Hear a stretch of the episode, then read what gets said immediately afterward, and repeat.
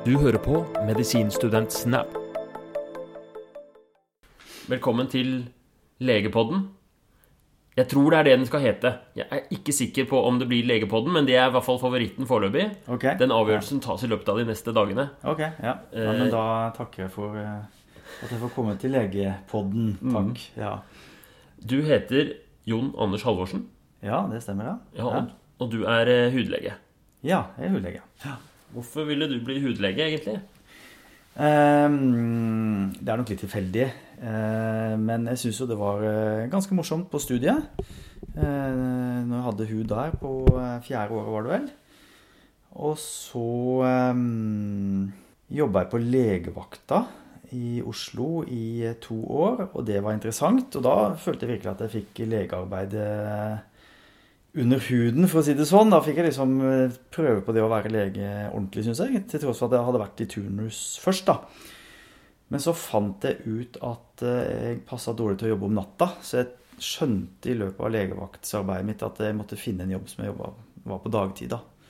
Og da begynte jeg å tenke liksom på hud som jeg hadde likt, og så, og så prøvde jeg å få jobb der. Um, og så blei det til det. Og så er det også det at jeg um, syns det med det visuelle liksom Jeg mener i hvert fall sjøl at jeg alltid har vært litt interessert og har litt talent for det visuelle. da. Så jeg tenkte at det kanskje kunne måtte benytte meg litt av det, den egenskapen og interessen også. Eh, Så litt sånn tilfeldig, men det er morsomt fag fordi at det er både det er babyer, og det er unger, og det er ungdom og voksne og eldre personer og menn og kvinner. Så det er ganske sånn bredt sånn sett. Så det også syns jeg er hyggelig. Og det også tror jeg tenkte på før jeg ble hudlege. faktisk, At jeg kunne liksom møte personer i forskjellige livsfaser og alder og sånn. da. Det Ja. er fint. Det er bredt altså alle, alle mennesker har jo hud, uansett hvor ung eller gammel du er, er liksom. Ja. Men hva, er det noe mm, Har du noen sånn spesialitet innafor huden? Er det, mm, er det noen et område du er mest interessert i, eller Ja, etter, etter hvert da, så har det jo blitt kanskje kløe da, som, som jeg er interessert meg mest for. Men jeg har bare lyst til å si en ting til hvorfor, hvorfor jeg ble hudlege. For jeg hadde en, eh, hva jeg kom på nå, faktisk. da, at Jeg hadde en sånn opplevelse hvor jeg søkte på en fastlegejobb eh, ganske sentralt i Oslo. Eh, som jeg tror jeg hadde fått også den gangen, for det var ikke så veldig mange som søkte. Og så kom jeg inn på det legekontoret, og så ble jeg vist det liksom legekontoret, og så var det et sånn trangt legekontor. Å ja. Og så kom jeg inn der, og så, så sa jeg her kan du jobbe, liksom. Og så tenkte jeg liksom kan jeg sitte her på en måte hver dag i mandag til fredag i årevis framover? på en måte? Nei, jeg må på en måte ha en jobb på et sjukehus eller jobbe med meg kolleger. For jeg, tenkte, jeg fikk litt sånn klaustrofobisk følelse av å sitte på det fastlegekontoret. Så jeg tror kanskje også det tror jeg kanskje spilte en rolle, for jeg kunne liksom blitt fastlege, tror jeg. Og så, men, men, så, men så tenkte jeg at nei, da får jeg prøve litt lenger og få jobb på hudavdelingen. Så fikk jeg det, da. Ja, for mange av de tingene du beskrev, at du ikke har vaktarbeid, og du har eh, pasienter i alle aldre og sånt, og det kunne jo passa til fastlege også. Ja, de kunne det. Ja, så jeg var inne på tanken med det, faktisk. Mm. Så ble det det der klaustrofobiske. Jeg kjenner meg litt igjen i det, Ja. faktisk. Jeg synes Ja. Det er et eller annet med Jeg opplever å jobbe på sykehus er de for at man i løpet av Det er mye bevegelse. At jeg må gå Ja. hit og dit, og jeg må stikke bort på røntgen, og, og de, Ja de tingene setter Ja. jeg så pris på. Så, så jeg husker i hvert fall tilbake liksom det der rommet som jeg da kom legekontoret som jeg kom inn på, var liksom litt sånn smalt og langt. Og opplevde det som litt sånn trang, for trangt da. Den gangen, da. Kanskje jeg hadde opplevd det annerledes nå. Men hvordan gjorde du det? Sa du med en gang liksom Nei, det her går ikke? Eller var det Jeg tror jeg takka nei til stillingen, ja, og så fortsatte jeg på legevakt et par måneder til. Og så, Ja. og så fikk jeg jobben. Ja. ja, For det var, det var før du hadde begynt, liksom? Du bare ble vist rundt? Ja da, jeg, var, jeg, jeg var egentlig, hadde bare søkt på en jobb, og så eh, Men jeg tror det var nesten ingen som hadde søkt på jobben, for dette er jo 20 år siden, og da var det nesten ingen som søkte på Eller den, ja, det, var, det var veldig få som søkte på den jobben, i hvert fall. Eh, Det var en ok jobb. Ja. Men, men eh, det var bare Du så det kontoret og bare Nei takk, dette Ja. gidder jeg ikke. Ja da. Men eh, det var, du spurte om eh, Ja, interesser det- og sånn. Ja, innen hudfaget, ja. ja. Så så du kløe. Ja, det er liksom endt litt med det, da. Fordi at eh, når jeg skrev doktorgraden min, så så eh, hadde jeg Jeg jeg skrev faktisk den mest om akne og psykososiale problemer hos ungdommer. Det var på en måte doktorgraden min som jeg disputerte på i 2011. Eh, Men så hadde jeg i det samme datamaterialet så hadde jeg en del eh, data om kløe. Og, og det var normalbefolkning, da. Ungdommer i Oslo, sånn 4000-5000 ungdommer i Oslo som hadde rapportert hvordan de opplevde kløe og sånn eh, på huden. da. Så det, eh, så det endte liksom med at, eh, at, jeg, eh, at jeg på en måte har publisert en del artikler om kløe. da. Og så okay. etter hvert så har jeg liksom blitt mer og mer interessert i det, egentlig. Så har jeg blitt med litt sånn noen sånn et internasjonalt nettverk som jobber med, en, med kløe, da, og spesielt en sånn litt sånn sær kløesjukdom som heter prurigo nodularis, eller som går også under navnet eh, kronisk prurigo, da. Som er en veldig plagsom hudsykdom som er prega av mye kløe, da. Ja, for prurigo er kløe. Nei, altså prurigo er på en måte en eh, sjukdom der man ser kløeknuter i huden. Det er knuter i huden. Okay. Ordet for eh, kløe, det er pruritus. Nemlig. Ja, så man har et- liksom et slags skille mellom det. da. Så pruritus er jo en, er synonyme for kløe, og det er jo det ordet som eh, Ja, det er jo en symptom selvfølgelig som er til stede veldig mange hudsykdommer. da. Veldig vanlig. Men det er jo noen pasienter som har veldig mye klø, og det er jo eh, veldig plagsomt. Så det er kanskje det som jeg har eh, hatt en del med å gjøre, da. Og hatt en del vanskelige pasienter med og sånn. Så Mm. Så hender det at hvis, hvis det er en vrien kløepasient et eller annet sted, en kollega som lurer, så ringer de deg og bare det hender det, ja. Det hender Nå klør det så fælt her. Vi må ringe doktor Halvorsen. Ja. Men hva er, det som, hva er det som klør aller mest, da? Hvilken sykdom er det? Eh, Er det skabb? Ja, jeg tror nesten det må være det. Altså. Det er den verste. Ja, det er, det er grusomt. eh, Det er, det er veldig sterk kløe, altså. Ja. det, ja. Men elveblest også, ikke sant? Og atopisk eksem er jo også veldig kløende, da. Mm. Men, men eh, det er klart, skabb, det er, det er en luring, og det har vært mye snakk om det de siste åra, mange med skabb, da. Ja, har det vært sånn skabbepidemi siste Ja, vinteren? kan, kan tyde på at det har vært mer nå de siste åra. Det, det har jo blitt sagt at det skabb det er sånn som har sånne topper hvert sjuende år, da. Å ja, at det er skabbår? Ja, jeg veit ikke. Jeg tror det kanskje er like mye myte som sannhet. Altså. Men, eh, men det har vært mye skabb de siste åra, og det har også vært snakk om om det er noe resistens. da. Det er vel ikke noen som kan bekrefte eller avkrefte det, men det er, eh, det er Resistens mot Fordi skabb behandles med en sånn en ja. krem og Ja, smører i hele ja, kroppen. Ja, Nix, som det heter på apoteket. Ja. Mm, det er liksom det som er første valget, da. Ja.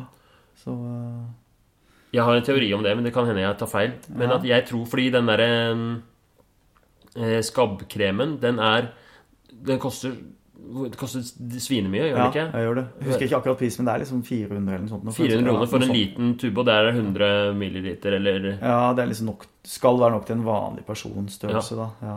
Jeg tipper at det er jo sikkert bare at folk eh, smører for lite. Du, du burde bare ta, burde ta mer stø, tjukt lag, liksom. Ja da, det, det er nok, eh, det er nok eh, poeng det, altså, for det er dyrt. Og, og, og sant, hvis det er en familie da, som har det, sant, så er det jo kanskje fem sånne tuber. Og så skal man helst kan, Ofte er det anbefalt å behandle seg liksom en uke etterpå også, liksom gjøre det to ganger. da. Mm. blir det mange tusen kroner, da. Så det er, det er dyrt. Det er faktisk, og det er liksom dilemma, eller sånn paradoks heter det kanskje. At det er liksom, Da får man ikke noe støtte fra det offentlige, på en måte. Dette er smittsom sykdom, til og med. Ja, så det er Det er det. absolutt eh, alles eh, hva heter det for interesse at folk behandles ordentlig. Burde jo være det. Men fins ja. ikke tablettbehandling òg? Jo, det fins tabletter, ja. Gjør det. det, gjør det. Men det er jo ikke gratis, det heller. Nei. Nei. Eh, Så Men førstevalget mot skabb er den derre kremen. ja, det er det som er liksom standard. Men jeg har fanget en skabb en gang. Ja, det er Som- veldig bra. Da er du flink, altså. Ja, det Ja. var skikkelig kult. Det er, Ja. var sånn, på hånden så kunne man se et sånt lite eh, Et lite sånn spor. spor. Og så var det en liten svart prikk på enden. Mm. Og så tok jeg en nål, og så kom den svarte prikken ut, så i mikroskopet, og der var den. Det var Ja. helt sjukt å se. Ja. Det var, så ut som en liten alien, liksom. Bare Det er jo det som sier at hvis du klarer å pirke ut en sånn skabb fra en sånn skabbgang, da, Mm. og ser den i mikroskopet Den ser ut som en sånn slags krabbe liksom, som ligger der og spreller hvis den er levende. Ja. Det er den ofte, da. da skal man ta og vise den til pasienten, da. mm. For at hvis da pasienten går til mikroskopet og ser den, og har Ja. sett at du faktisk har plukka den ut av huden til pasienten, Ja. da, da tenker jeg at da, da, det, det er motiverende for å behandle seg. Da. Ja, Så, kan jeg tenke meg. Neida, så skabb er jo Jeg, jeg, jeg tror liksom eh, Hvis man har jobba lenge nok som hudlege, så har man alltid blitt lurt av at det, man har oversett skabb. Altså. Det, er, Ok, det er en det, er, sånn det er en liten luring. Klassiker. kan, eh, for det er jo mye som klør i huden. Ikke? Ja. Det er jo mye eksem og sånn som klør, så man kan bli lurt av det der. Altså. Hvor, fordi eh, hvis man mistenker skabb, og da Mm. pasienter som klør som bare det, så er det å se på hendene, ikke sant? At det er der man kan Aller se mest, disse skabbegangene? det er der man ser skabbganger mest mellom fingrene og volart på håndleddet. Det er typiske plasser, da. Volart på håndleddet, er det på Mm, Ja, jeg sier ikke feil nå. Ja, innsida. altså Fleksorsiden, ja. Ja. Ja. ja. Så det, der, der, ser man skabbeganger, så der må man prøve å pirke ut. Og det er egentlig den eneste måten å sette en sikker diagnose, skabbdiagnose, det er å kunne ta ut en sånn skabb. Altså, mm. eventuelt egg, da, men altså se, se skabben. Ja.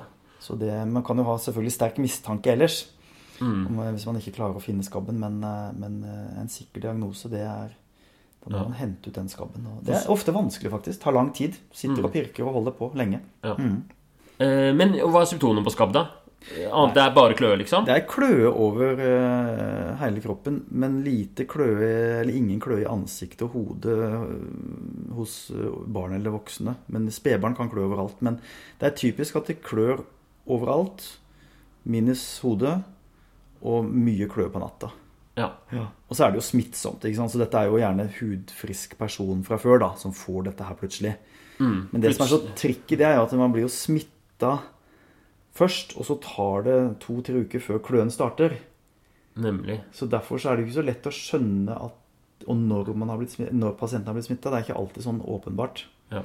Derfor så, eh, men det, er, det blir jo sagt at det er ti minutters hudkontakt da, som eh, gir eh, smitte med skabb. Så Ti minutters hudkontakt. Så Ja. det er ikke nok å Som for eksempel Jeg var jo veldig redd for å bli smitta, ja. Mm. Men det er ganske usannsynlig. Det er veldig det er, ja, litt sannsynlig, ja, for du, du, du, du, du klemmer jo ikke pasienter i ti minutter, på en måte. Det er sjeldent. Nei, så det er ofte noe du deler seng med i praksis, da. Det er, Ja. det er jo ofte det. Um, Så basically er det seksuelt overførbart, eller at det er nær familie, liksom. Ja, det er det. Er det. Ja. Ja. ja, altså det, det var det kløe, det er jo eh, Det er jo liksom et symptom som er ganske sånn eh, unikt for huden, da. Og slimhinner, da, kanskje. Altså det klør jo i øyne og nese og sånn, ikke sant, ved allergier og sånn, men eh, men, eh, men huden har jo på en måte kløe som, som sitt eh, hovedsymptom. Mens resten av kroppen har jo på en måte smerte, da Ja. egentlig. Altså Det som skjer inni kroppen, det er på en måte smerte som er liksom opplevelsen der, og ledd og muskler og allting. ikke sant? Magen er smerte. Men, men huden har jo Huden er jo ikke si, plaga så veldig mye med smerte, da. Mye, det er ikke så mye som gjør vondt i huden. Så klart skrubbsår og kutt og helvetesild og sånn, det gjør vondt. Men Og hvis man brenner seg. brenner seg, ja, ikke sant? skader og sånn. Men det er jo liksom I hvert fall for en hudlege som møter pasienter med hudsykdommer, så er det kløe som er det som er på en måte det dominerende sånn eh, subjektive opplevelse. da.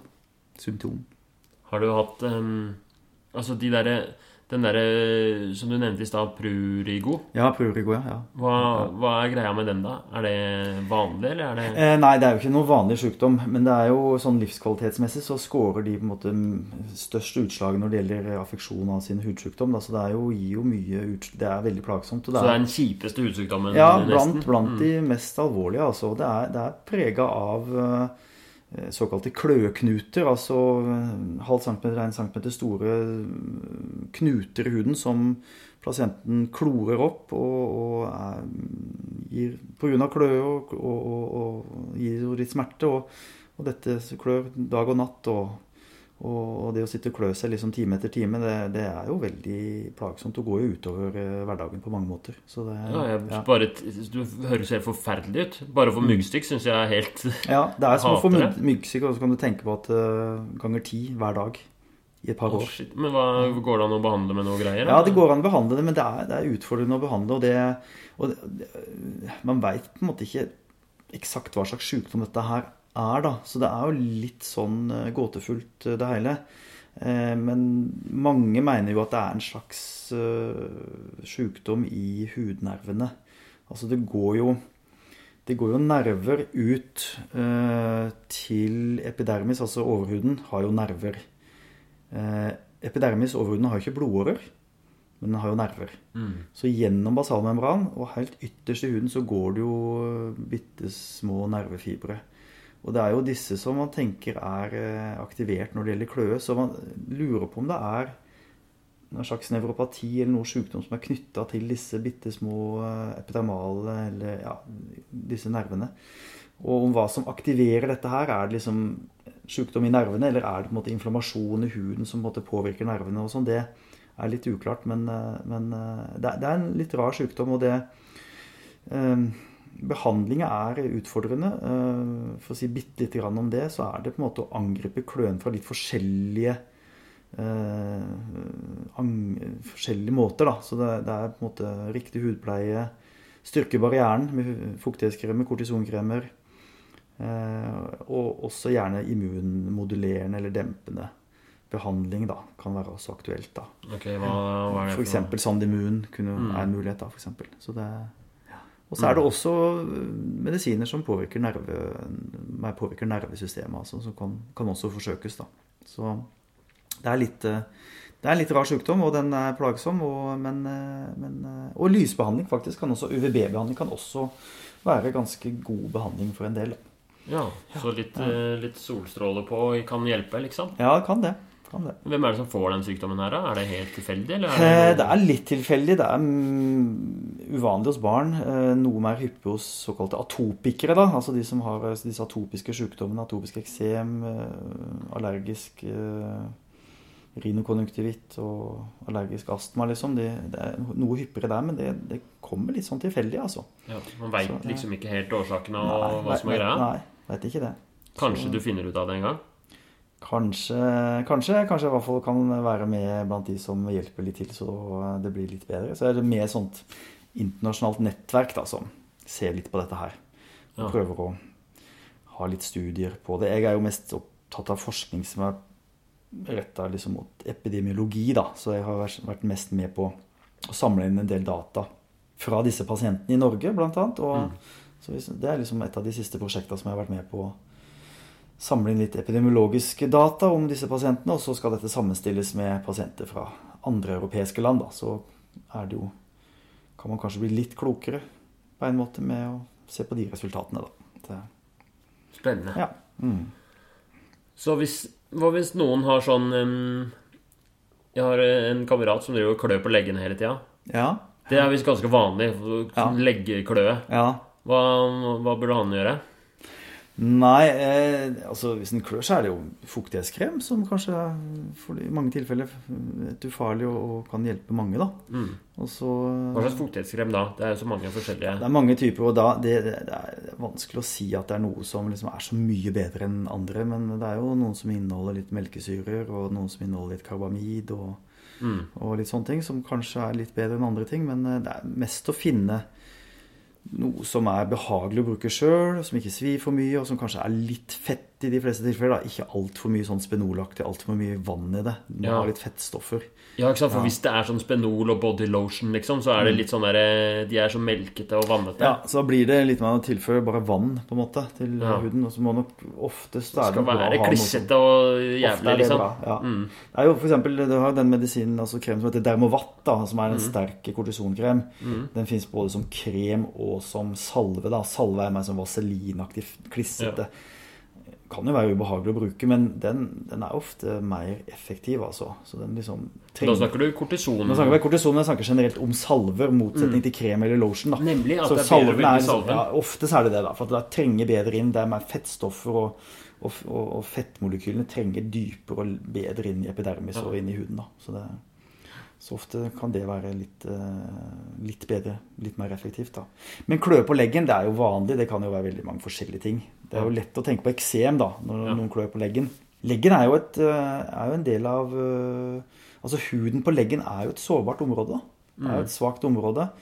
Hvorfor det er sånn, jeg veit ikke. Det ligger jo altså på Framover tibia der, så ligger jo huden tett opp mot beinvevet, da. Beinene, så knokkelen. Så, så det er jo ikke noe særlig sånn eh, polstring med, med fettputer og sånn som, som er så bra. Men det har nok noe med tyngdekraften og hele blodsirkulasjonen i, eh, i leggen og føttene som er gjør at f.eks. hvis man får et skrubbsår på leggen eller så er det tendens til at det vokser og tilheller vanskeligere der. Det er et seinere der da, enn andre steder på kroppen. da. Så det er litt sånn sted som hudleger er litt sånn forsiktig med å gjøre altfor mye kirurgi. og Det blir jo litt sånn leggsår lett, ikke sant. Og Mm. Gamle damer og menn som har litt hovne bein, og får de et skrubbsår der, så blir det et kronisk langvarig leggsår, kanskje. Det kan vare uker og månedsvis, og det er jo Ja, så hvis du er hudlege, så blir du godt kjent med leggen. Ja, jeg tror du blir kjent med alle, alle deler av huden, faktisk. Men eh, ja, leggen skal man liksom ha litt respekt for, da. Ja, Mm. så er det. Så eh, nei, men huden, ja, hva skal vi si? Huden er jo litt forskjellig. Arr, vet du, det er jo sånn som eh, Det blir jo mest liksom på brystkassa og skulder og, og sånn. da. Hvis man skal eksidere noe, så er det jo, er det jo lurt å si til pasienten at uh, der har det tendens til å bli litt kraftig arrdannelse, da. Ok, på, hvis du, så for eksempel fjerne føflekker og sånt nå? Ja, f.eks. å fjerne en føflekk på brystkassa eller over sternum, f.eks.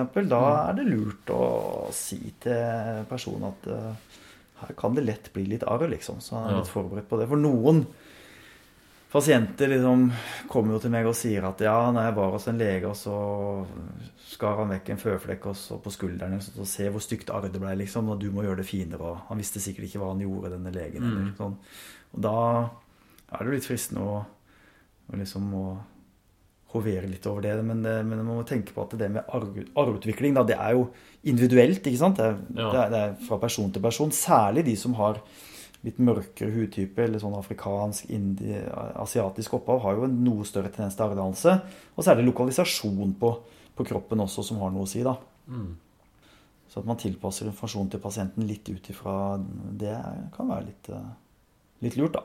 Og jeg har en sånn, eh, et arr som jeg er så bekymret for Eller jeg er ikke så bekymret for det, men første gangen jeg skulle sy på en pasient eh, Det var i praksis da jeg gikk tiende semester. Eh, Og så var, vi, var jeg på legevakt. Og så um, var det en veldig flink lege som var veldig på at jeg skulle gjøre ting. da, og så Det var jo kjempekult.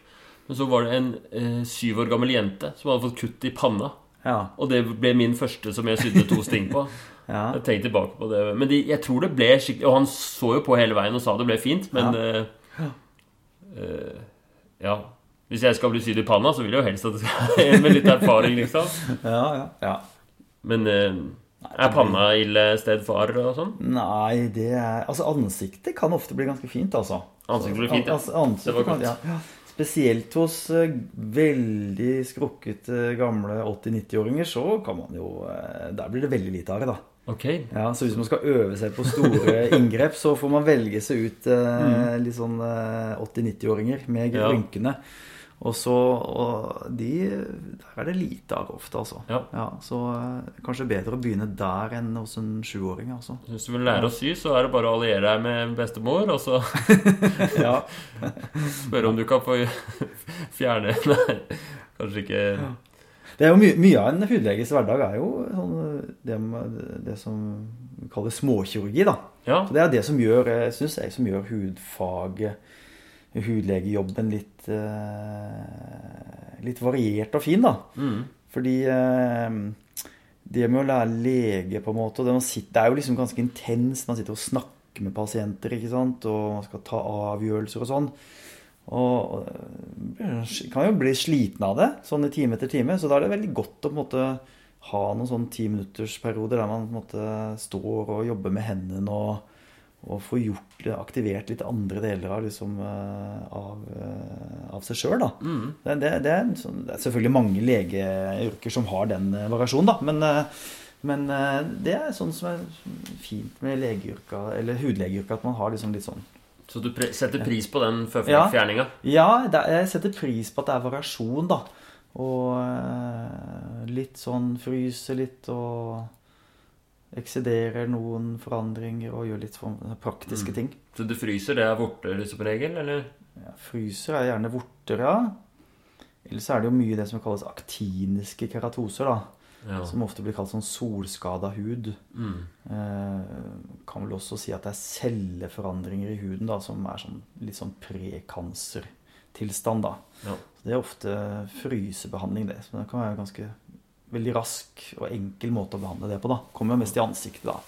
Så det er jo eh, ganske mange som kommer til hudlege pga. det, da. Eh, Så der er frysebehandling en av an- blant flere muligheter da, behandlingsmessig. Ja. Er det det kjipeste med hudlegejobben, eller de der um, kancertilfellene? Ja, jeg liksom lurte lurt litt på hva liksom det mest utfordrende med og det, altså, det, Fordelen med å være hudlege, det er jo at det er jo Det er jo Det er ikke så lett å gjøre tabber sånn at pasienten eh, får alvorlige følger av det. da, at Dødsfall eller andre ting. Det, det skal en del til. Bortsett fra melanom, da, må man kunne si. Melanom, Melanom er den store ja. fellen, Ja, liksom. så det er jo liksom eh, sant? Det er vel det som de fleste hudleger liksom tenker på sånn når arbeidsdagen er over, som har, kan ha oversett et melanom, på en måte. Er jo, det er jo det, det er Kanskje det, den delen av jobben som er Mm. mest sånn, mest sånn risiko. Fordi malignt melanom, hud, mm. føflekkreft, Mm. det er en, en av de vanligste kreftformene. Ja, jeg tror jeg, Er det ikke femteplass nå da blant kreftformene? faktisk? Fordi den Ja. ikke sant? Det er, nå er det over 2000 tilfeller i Norge per år, ja. Mm. Så det er ikke blant de vanligste. Det er jo ikke så vanlig som tarm- og brystkreft og prostata. Men jeg tror det faktisk ligger på femte- eller sjetteplass nå, altså. Ja. Så av, av kreftformer. Så Og kan ofte ramme ganske unge, kan det ikke? kan det, altså. Ja. Så det er jo um, De fleste som får melanom, er jo over 50-60 år. Men, men det er også en kreftform som ikke Som, som, som, som forekommer ganske hyppig hos yngre voksne også. Ja. Så Jeg hadde det- en, venn fra, en venn fra videregående som eh, fikk eh, føflekkreft og døde av det. Fikk hjernemetastaser og ja. Det er noen sånne historier, og det gir jo veldig eh, inntrykk, det, altså. Mm. Så eh, det er vel 300 nå i Norge som dør hvert år omtrent av, av melanom, da. Så det å eh, Og der er jo Norge Sånn statistisk sett så virker jo som Norge altså, Norge ligger dårlig an, da. Har en, eh, ser ut som det ligger på førsteplass da, i Europa når det gjelder både forekomst og dødelighet av melanom. Ja. Det er litt paradoksalt, egentlig, fordi den kjente risikofaktoren eh, for eh, melanom og andre typer hudkreft er jo UV-stråler. ja. Eh, Men så er det dette her med Det er mange i Norge som har jo lys hud, ikke sant? Og, og Ja. Og så er vi, er vi glade å være ute, mange, da. Ute på sjøen og på fjellet og ja. reiser. Har god økonomi og reiser mye til tropiske områder og til Syden òg. Mm. får liksom den sjokksolinga. Spiller nok en rolle, men det, når samling i forekomst av kreftformer fra land til land, så er det jo Jeg tror det er, er vanskelig å, å være veldig presis på det, for dette blir nok registrert på litt ulik måte fra land til land, altså. Ja. Men, men Norge ligger jo høyt, da. Ligger høyt, og det er en, så det er jo en skikkelig drittsykdom. Men er, det, Ja. er man helt eh, Altså Jeg husker en eller annen gang hvor det hvor, Jeg vet ikke om det var tull, men en gang i løpet av studiet det, mm. sannsynlig- det kan hende at det var et sånt poeng, så det var en litt sånn spøk, men da var det en som sa at eh, eh, man ser økt forekomst av hudkreft hos de som bruker solkrem. Ja. Og så var poenget litt at eh, eh, At eh, selv om det er korrelasjon, så kan Mm. man ikke alltid si at For det, åpenbart så er ikke solkrem De som bruker solkrem, er mer ute i sola. Selvfølgelig. Ja. ja. Så det, det, er en, Mm. det er vel et eksempel på en, en dårlig måte å studere assosiasjonene mellom eh, risiko, eller risikofaktor og en sykdom. Men jeg syns i hvert fall det er vanskelig med med, med det der med Jeg, møtt, jeg møtt, møter av og til eh, Eller det var i hvert fall en venninne som fortalte meg Mm. en dag at hun brukte solkrem hele tiden. Hver dag hele året. Mm. Det er sånn eh, På morgenen tar hun på solkrem. Ja. Faktor 50, eller liksom den Ja. høyeste. Mm. Og så Ja. Og da, da ble jeg stressa, for jeg tenkte skal, huden skal jo ha sol òg. Mm. At, og, og så er det noen som bruker masse solkrem og så soler seg i åtte timer. Mm. Og så tenker jeg, er det kanskje ikke bedre å bare sole seg én time uten solkrem, kanskje? Hva er Jeg syns det er så vanskelig. Hva gjør Mm. Ja, du? nei, men altså, dette, dette er jo vanskelig, og det, jeg, jeg tror ikke det er noen som kan liksom svare veldig presist på disse spørsmåla, men jeg tror det man må kunne si ganske sikkert nå, da, det er på en måte at uh, ingen bør bli solbrent. Mm. Ikke sant? La, la oss begynne der, på en Ja, måte. Ikke bli solbrent. Ikke bli solbrent. Og, og i hvert fall når jeg spør pasienter Nå er jo mange av de som kommer pga. hudkreft, er jo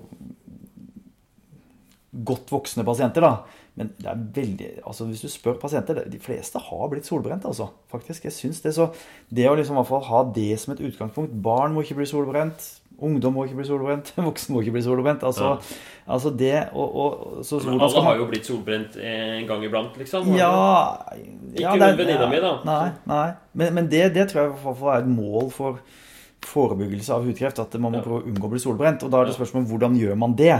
Og da er det i hvert fall ikke noe vits å bruke solkrem eh, på vinteren i Norge. Da, da, da, mm. da blir man ikke solbrent. Men, men, eh, men, eh, men, ikke sant? man må bruke klær, skyggelue, ta på seg T-skjorte, sitte under parasollen.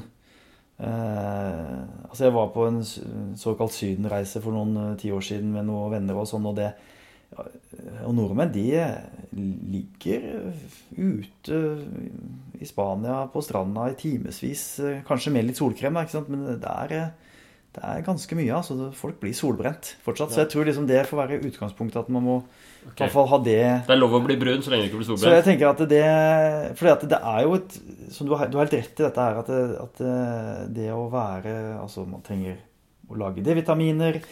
Og det er jo sunt å være ute, sannsynligvis. Mm. Det er bra å være aktivitet. Det er bra å ha, være ute i skogen, på fjellet. Mm. Ikke sant? Er, Føler seg jo bra òg når man har ja. fått sol på kroppen, liksom. Så er det litt Jeg vet ikke.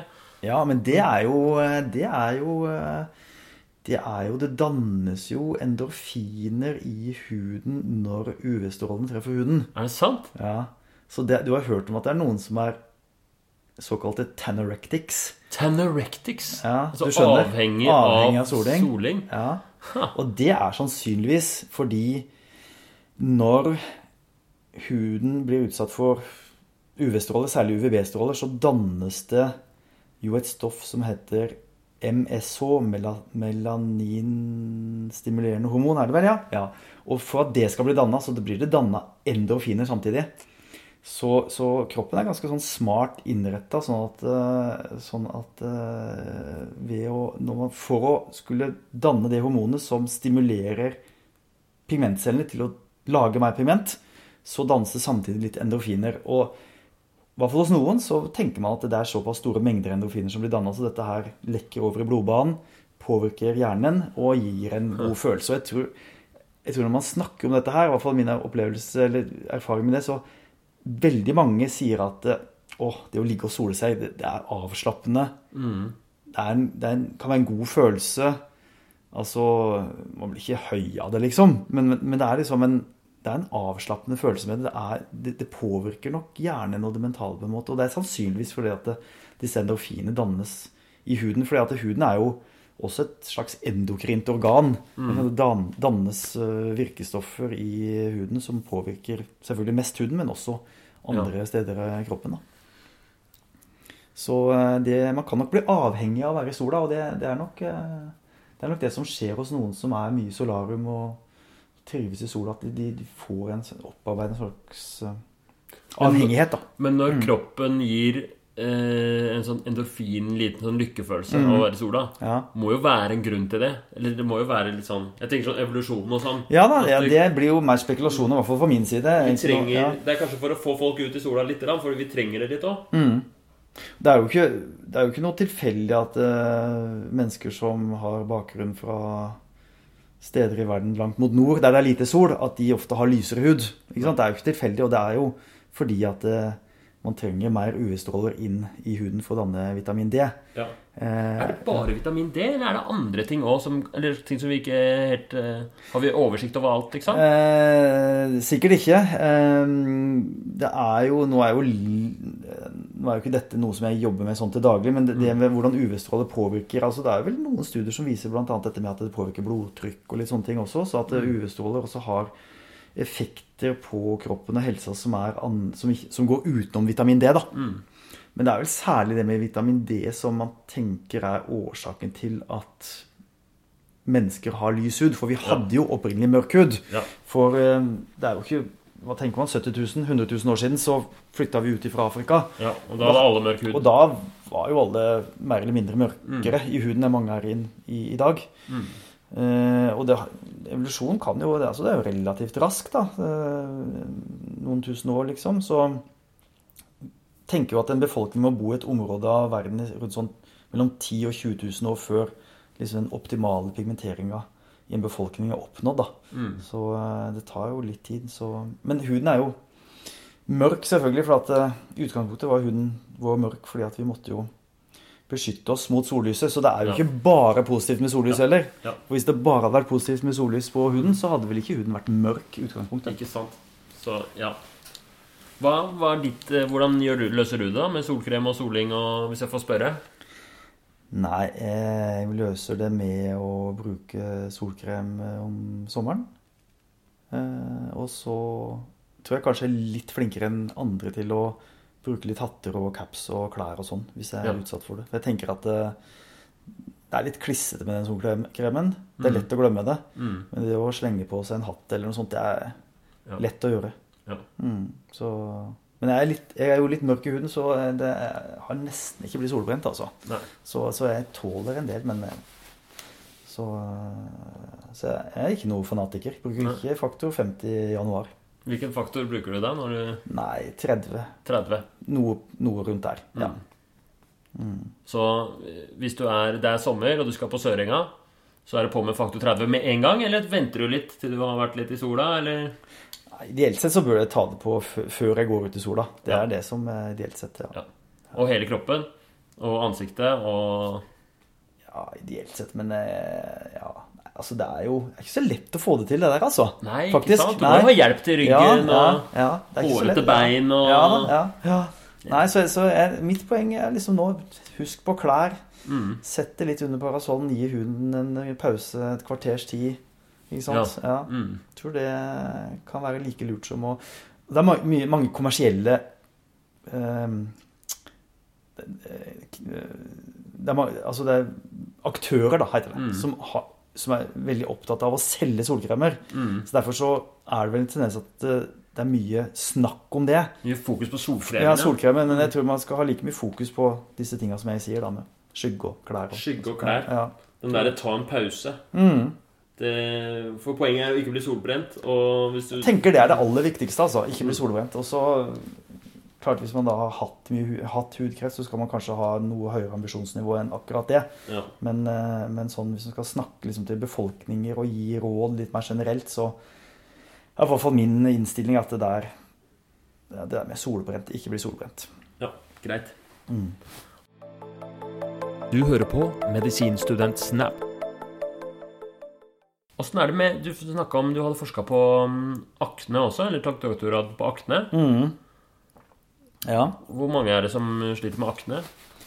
Nei, det er jo veldig mange, da. I hvert fall uh, i mildere former. Ja, Så er det jo veldig vanlig. ja, Ja, det, det, så, Alle får vel kviser en gang iblant, og så er det forskjellige Jeg husker, jeg bilder jeg husker fra hudundervisninga liksom, at det var alle grader. ja. Hva er det, det er, den verste heter akne ja, noe sånn aknefulminans eh, Ja. snakker man om. Og sånn, ja. ja. Ja. Og da er det liksom på hele kroppen eh, Eller på ryggen og Ja. bryst og Og særlig sant, der det er mest talg, størst og mest talgkjertler. da. Det er jo liksom ansikt og overkropp da, aller mest. Det er der kvisene kommer, stort sett. Så Nei, doktorgraden min den handla eh, litt om angst og depresjon hos eh, ungdommer med kviser, da. Så det var en ren sånn epidemiologisk studie, men den er litt relevant fordi at det, Eller ikke bare litt, den er ganske relevant, faktisk. Fordi det, det er jo et medikament som heter isotretinoin Ja. som er jo et ganske effektivt og potent og veldig bra legemiddel mot ø, akne. Tablettbehandling, en sånn vitamin A-syrelignende stoff. ja. Og der er det jo vært masse diskusjoner de siste 30 åra om dette kan utløse depresjon, angst, ø, mentale bivirkninger, da. Ja, fordi jeg har alltid vært redd for å For det er sånn man helst skal henvise til hud- hudlege for å starte med. At man skal ikke For jeg husker jeg hadde pasienter med, med akne da jeg var i turnus fastlege. Ja. Og da henviste jeg til hudlege, for Ja. før jeg, jeg turte ikke å starte isotretinoin sjøl. Nei. Fordi er det ikke sånn Står det ikke på bivirkningene? Selvmordstanker som bivirkning? Liksom? Jo, det liksom? gjør det. Og, så dette her har, og det er jo Det har vært såpass mange rapporter og enkeltsituasjoner som er knytta til dette med angst og sjølmord og sånn når dette preparatet da. Det er jo, var jo annet en sak der en sønn av et kongressrepresentant i altså USA da, sant, tok livet sitt mens han sto på dette preparatet.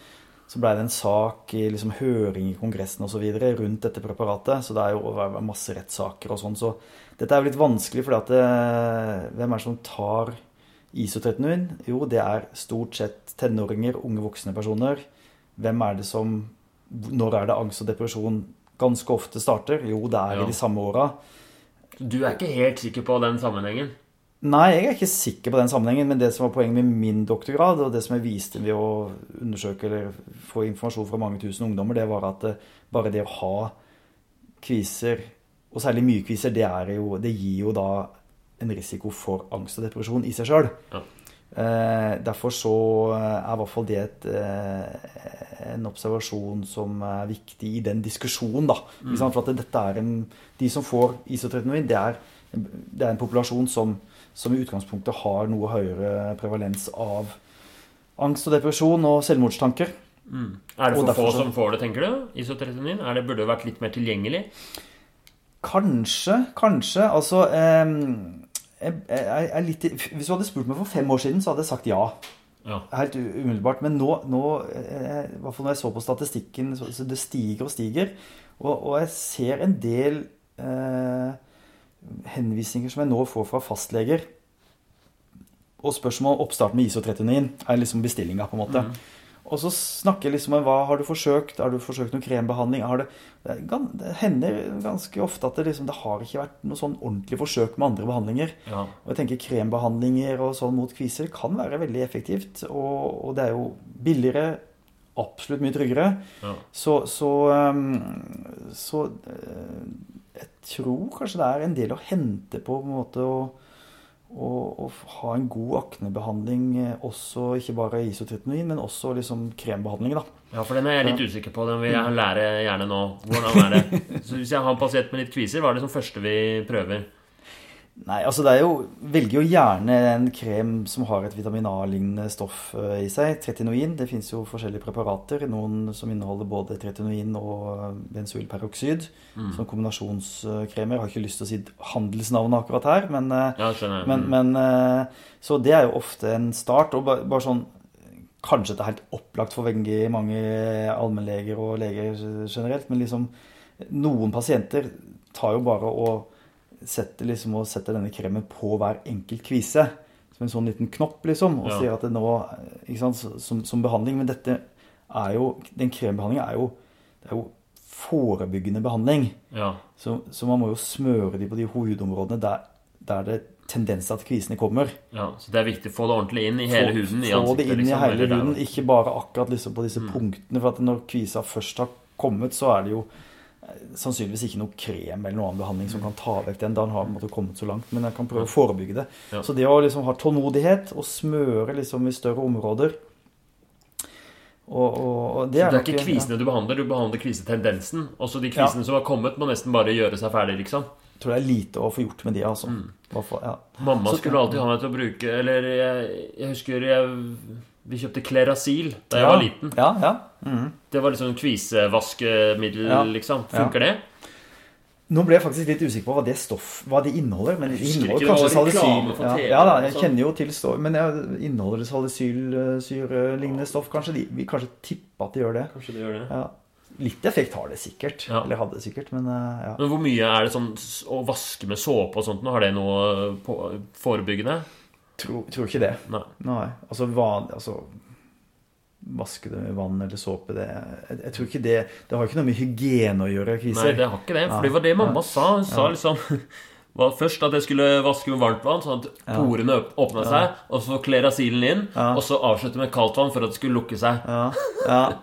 men jeg nei, tror jeg ikke på det da. Nei, jeg skal ikke liksom være veldig si at det er helt feil, liksom. Men vi vil jo være snill mot mora di, da. Ja, ikke, vil ikke si mot henne. Men hun tåler det.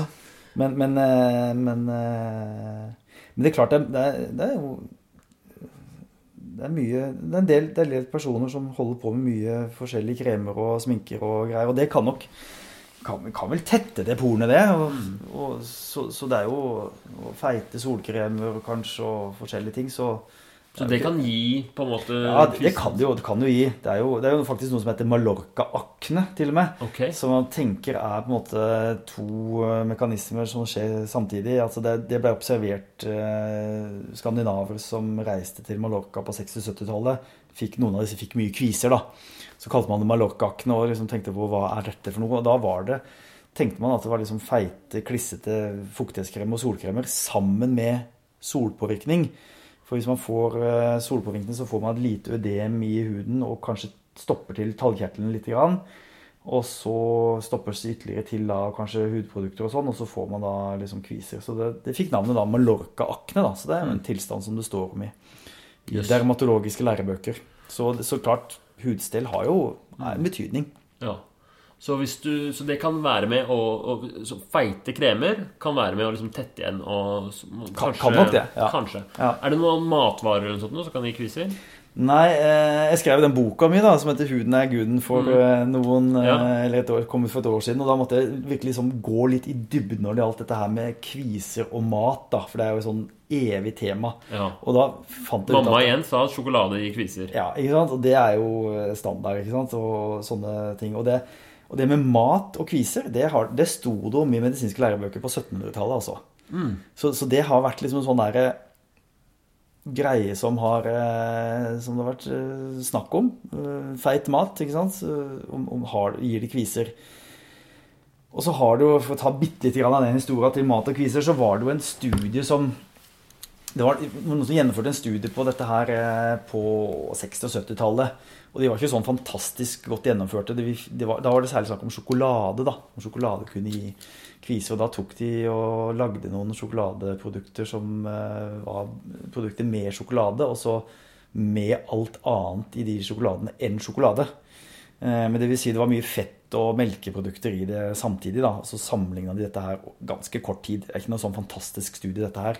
Og så fant de da ut at det ikke var noe forskjell, da. Nei. Og så sto det liksom 'Sjokolade gir ikke kviser'. og så har det, i hvert fall når jeg studerte på 90-tallet, sånn, da, så, så, sa, så sa det liksom at eh, da, eh, da ble det sagt at mat eh, har ingenting med kviser å gjøre. Ja. Og så, eh, og så nå pen, svinger vi en pendel litt tilbake igjen. Da. Så, så jeg har sjøl vært med på å sett på noen data som, som peker mer i retning av at i hvert fall kumelk da, kanskje kan trigge eller forverre kviser. da. Ja. Så, så noe med mat kan det jo hende at det er, men, eh, men i hvert fall min sånn kliniske erfaring tilsier at syns ikke det er så veldig mange pasienter som sier at det liksom, ja, når jeg skifta kosthold, så forsvant kvisene. Da ville de kanskje ikke komme til en hudlege. Ikke vet jeg. Men, eh, ja. men eh, det, det, Jeg syns jeg har hørt litt Ja. sånn noen sånn venner her og der som har sagt da jeg Mm. begynte på vegansk, liksom, så fikk jeg mindre eller mer. Jeg har ikke fått ordentlig tak i om det var noe spesielt, men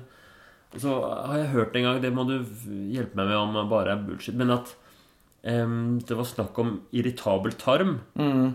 og at og så var Jeg lurer på om jeg hørte i en eller annen ikke så troverdig podkast engang, men det var i hvert fall en som sa at at eh, tarmslimhinnen og huden er på en måte samme lag på en eller annen måte. Så det som irriterer det ene stedet, irriterer den andre. Okay. Så, hvis, hvis, så hvis man spiser masse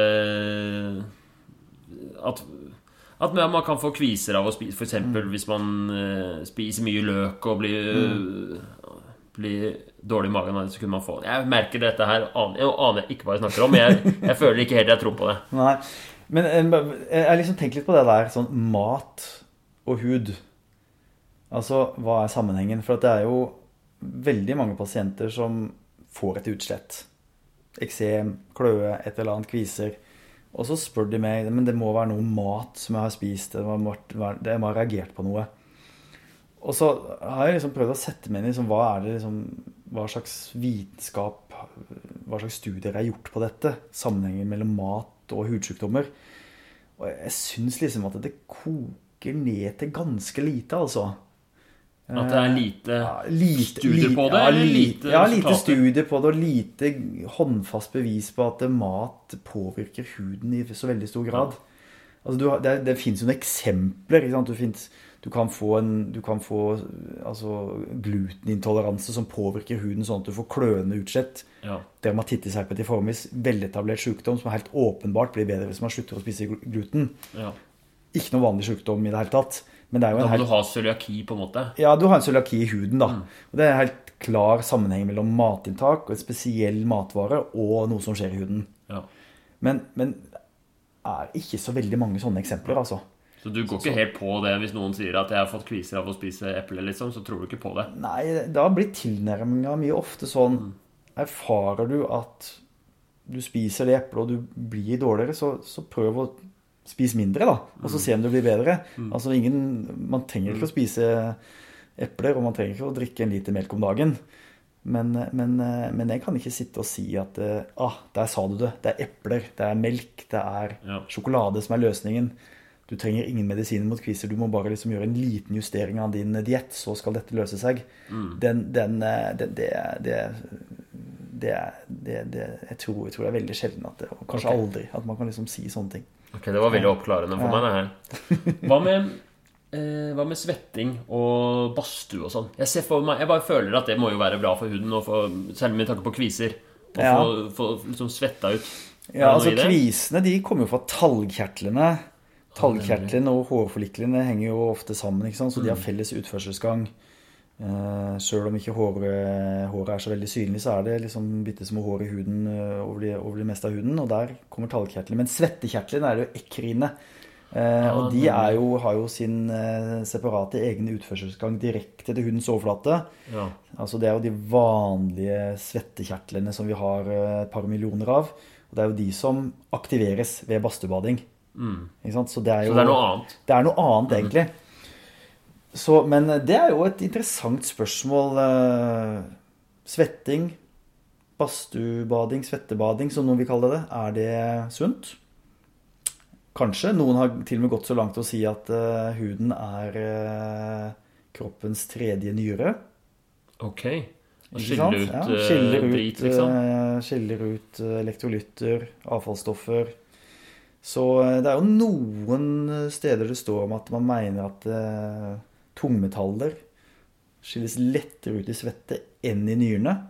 Veit ikke. Men, Mm. eh, men eh, det er jo mange svettekjertler, da. Mm. Og man kan jo svette mange liter væske i løpet av en dag. Så eh, må jo påvirke kroppen på en slags måte.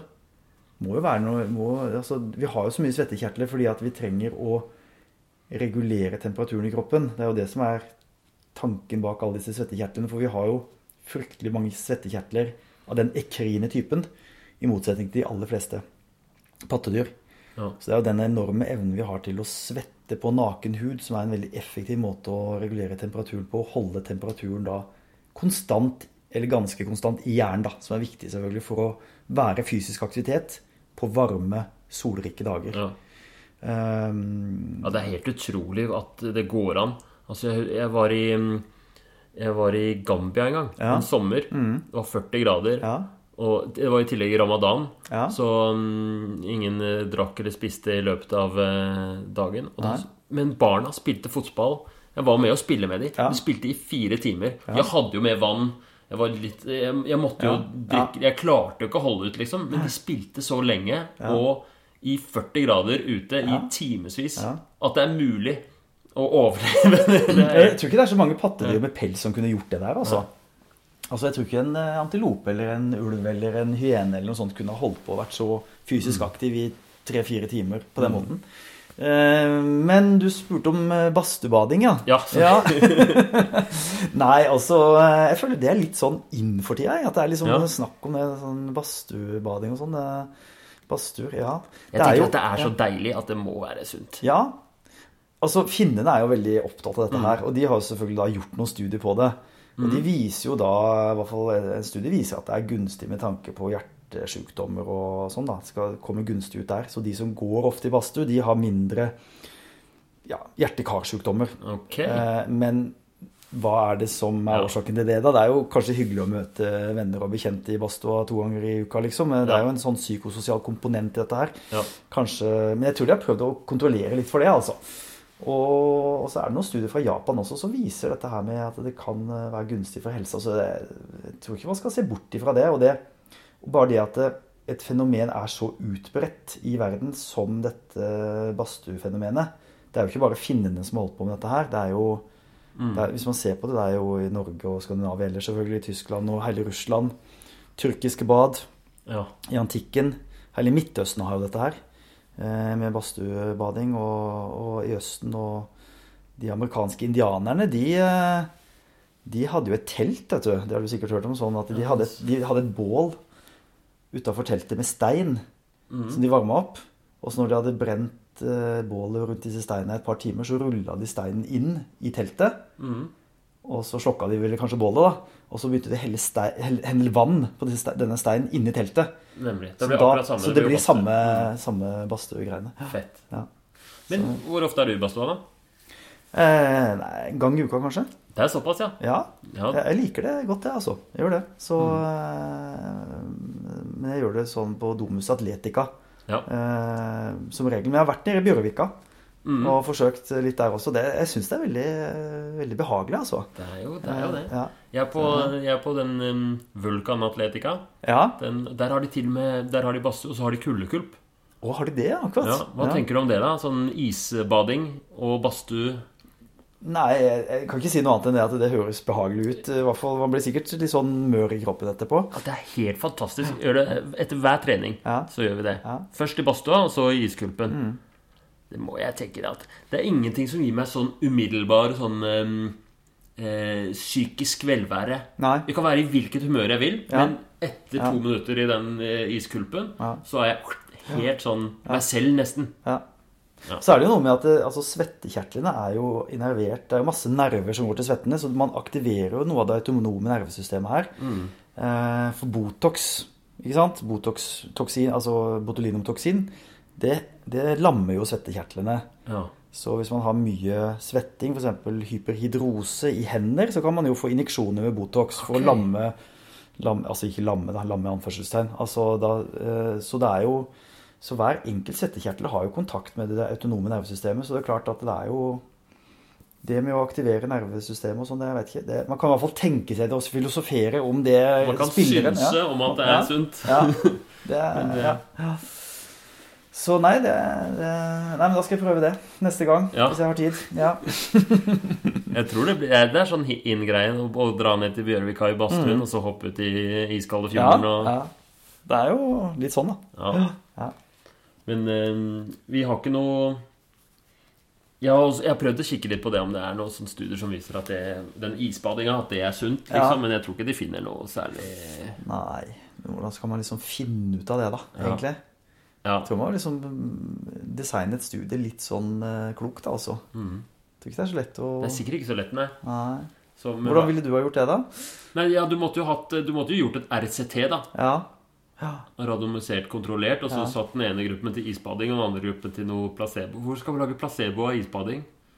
De måtte vel gå i badstue, da? Eller skulle de også Ja. få lov til å gå i badstue, eller skal de da Ja, ikke sant? Ja. Den ene får badstue, den andre får badstue og isbading. Ja.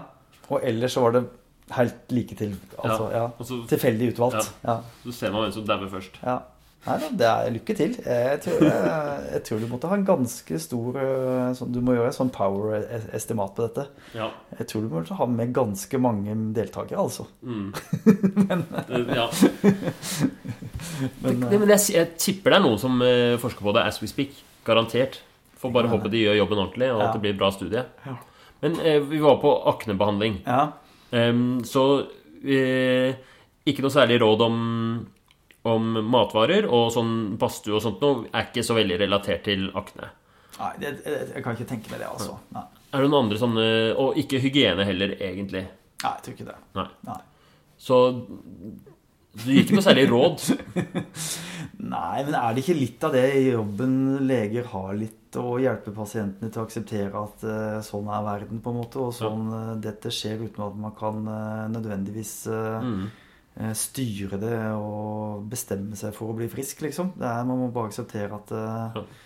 når man er i tenåra, så er det ganske mange som får stor aktivitet i talgproduksjon, og det fører til at talgkjertlene blir tilstoppa, og det blir betennelse og Ja. kviser hos en del. Så Ja. Det er vel bare sånn det er. Men eh, Hva med sånn, Er det ikke en antibiotikabehandling også? jo da, antibiotika funker jo bra. Det er tetrasykliner da, ofte som kan Ja. gis. Det er jo disse som snakker om antibiotikaresistens. De er jo ikke så veldig glad for, eh, Nemlig. eh, for den behandlinga, da. Men, da gir man en kur på noen uker eller noe sånt? Ja, noe med, sånt, ja. ja. med det, ja, og det skal jo alltid kombineres med en krembehandling. Ja, Så den krembehandlingen med A-vitamin, Mm. tretioniner Mm. Og, Og også tetrasykliner. mm, kan være effektivt. Og så må man da fortsette med krembehandlinga etter, etter at pasienten er ferdig med tablettene. da. ja. Så det, eh, så det er på en måte en sånn slags øh, regel ingen antibiotikabehandling mot kviser uten samtidig krembehandling. Ok, det må jeg huske. Ja. Altså antibiotika og krem Ja, det hører sammen. Ja.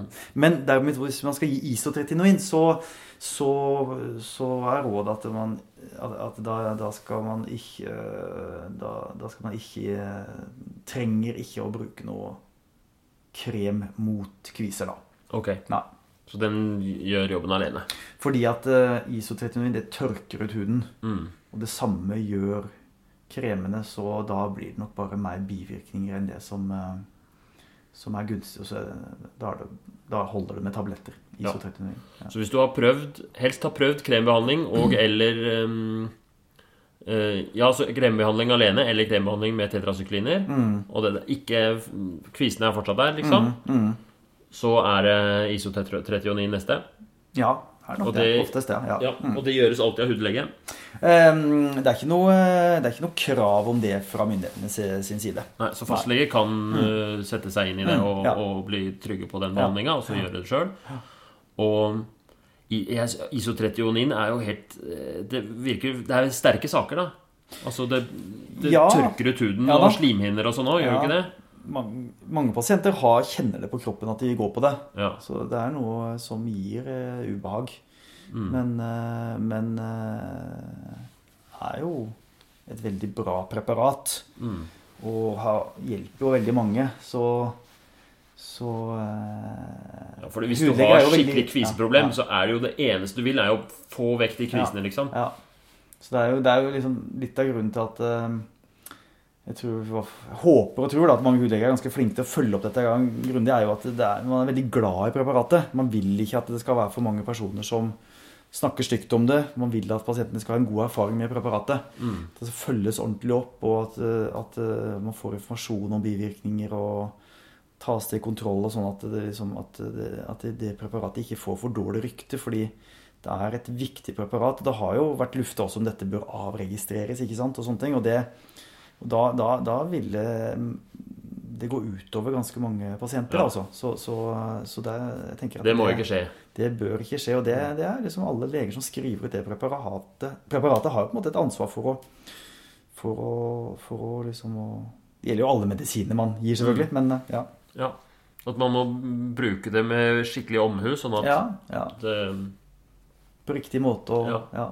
Så, ja. Hvordan er det med da eh, Hvor langt går man på det permanent? Eller er det en sånn en, en kur, eller eh? Det er vanligvis en kur. Over eh, seks måneder er typisk. Seks måneders kur? Ja, så det, det justeres ut ifra pasientens vekt, dette her, da. Ja. ja. Hvor, hvor, um, hvor, fort virker det? I løpet av en måned eller to, vanligvis. Men det kan, kvisene kan bli verre i starten, da. Ok. Mm. Så det, det, det, er, også en ting som er sånn viktig å informere litt om, fordi eh, ellers så er det noen foreldre eller noen pasienter som blir litt gretne. Mm. Og det er en tablett man tar daglig? Mm. En gang om dagen. En gang om dagen? Ja. Tar en måned før det virker, og ofte så kan det bli verre i starten. Mm. Og så mm. går det på ca. seks måneder. Litt avhengig. Ja, det er typisk. Men det justeres jo, må justere det litt individuelt, dette her, da. Og etter de seks månedene, da er du kvitt kvisene for alltid, eller kan det komme eh, Mange er det. Eh, kanskje en 70% eller noe sånt. Mm. Kvitt, eller i hvert fall har så lite kviseproblem at de kan eh, At de ikke trenger noen ny kur ja. med isotretinoin. Men det er jo en del som kanskje etter et år eller et par år har behov for en ny kur. Mm. Men eh, mange pasienter er veldig fornøyd etter en sånn eh, gjennomgått kur. Og mange sier jo også at 'hvorfor fikk ikke dette før?' Ja. De syns de har gått for lenge med det. Ja. Så jeg tenker Den viktigste tingen å styre det ut ifra er selvfølgelig å snakke med pasienten om mye han er plaga av kvisene, men også dette med å se på arrutvikling. da. Mm. Fordi arr etter kviser er vanskelig å behandle. Mm. Og Det er permanente merker i huden og ujevnheter i huden. og og jeg tenker Det er sånn paradoksalt at uh, hvor mye foreldre og, og, det offentlige egentlig bruker på tannregulering. da. Ja. Uh, som er jo uh, delvis motivert ut ifra en mer sånn estetisk årsak, da, eller sånn motivasjon. Mens kviser, det kan av og til gå under radaren. radaren. Mm. Så, så, jeg syns jo det er sånn Men jeg føler at det blir bedre. Det kan jo se ordentlig heftig ut, sånne arrete akne. Kan ja, jo kan veldig det, det kan jo henge i mm. mange, mange år, hele livet, i verste fall. da. Ja. Så, um, Så eh, Noen foreldre er vel litt sånn at de bagatelliserer kviser litt og sier til ungene sine at nei, men eh, det er en del av det å være i puberteten. Det er en del av det å vokse opp. Dette hadde jeg også jeg, og dette går over, og dette går bra. Og litt sånn bit tenna sammen-holdning. Og det kan være litt unødvendig, da. Ja. Så Det er sikkert litt forskjell òg, da, på Altså hvis man ikke vet at det er noe behandling Jeg tenker sånn Hvis det er forskjell i sosioøkonomiske mm, eh, lag, liksom. At, Ja. eh, ja, at eh, det blir forskjell på hvem som kommer seg til en lege og til en hudlege etter hvert. ja da. Det er vel det. Det er jo eh, det er jo veldig press på hudlegene. Det er ikke så veldig mange hudleger i Norge. Det er, det sånn rundt 200 aktive. Ja, Så det er jo ikke så veldig mange. Så, og det var så, lite. Så, ja, det er ganske få. Altså, nå er jo, hvis en ser på statistikken, så har jo noen land har jo Som Tyskland og sånn har veldig mange hudleger, da. Men, men Storbritannia og England er det veldig få hudleger i forhold til befolkninga. Så det jo, varierer jo litt. Men eh, det er i hvert fall ganske lang ventetid for å komme til hudlege mange steder i Norge. Mm. Så det er, det er, det er, behovet er i hvert fall stort, da. Så eh, mye ventetid. Så det er, det er klart det reflekterer vel litt dette med at uh, huden er viktig for mange, og at uh, en ser jo liksom ting i huden som det er vanskelig for en fastlege å bare kanskje bagatellisere eller sånn. Så det blir liksom ofte til at eh, fastlegen vil skrive en henvisning til hudlege. da. Det er Ja. vanskelig kanskje å si eksakt hva det er for noe, og så sitter man sammen med pasienten og ser at nei, men det er en flekk her, det er en kul her. Og så kan man ikke si sikkert hva det er for noe, så er vel løsningen på det ofte å sende en henvisning, da. Ja. Jeg gjorde mye sjøl da jeg var i turnus. Ja. Så Men kan jeg bare få siste på isotretionin, bare sånn at Ja. dere kan ja. Da veit vi iallfall de som hører på, og de, dette, de kan det medikamentet godt. Da. Fordi jeg, Vi snakket om bivirkninger så vidt. Det at man blir tørr i huden, Ja. tørr i slimhinner. ja.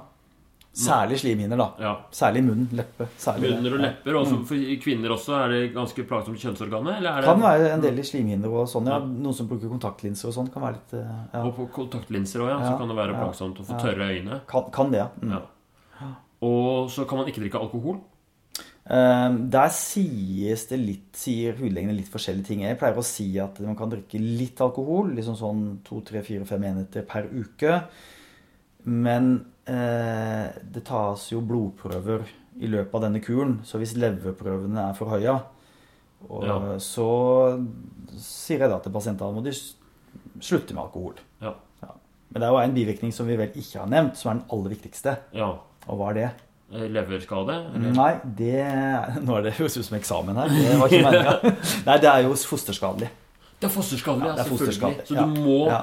Du må Du får ikke lov å begynne på det før du har prevensjonen på Nei, plass. Så du liksom må ha prevensjon på plass hvis du er eh, kvinne i eh, såkalt fertil alder. da, ikke sant? Så det Ja. er jo det aller viktigste. Ja. egentlig altså. Så Menn kan bruke det og likevel bli pappaer, for å si det sånn. Men, eh, men, men altså kvinner En kapsel i, i, i svangerskapet kan gi fosterskade. Én kapsel er nok. Ja, det, det kan det, altså. Så det er, det er, det er veldig viktig. Så det, det er på en måte det aller viktigste, da. Ja.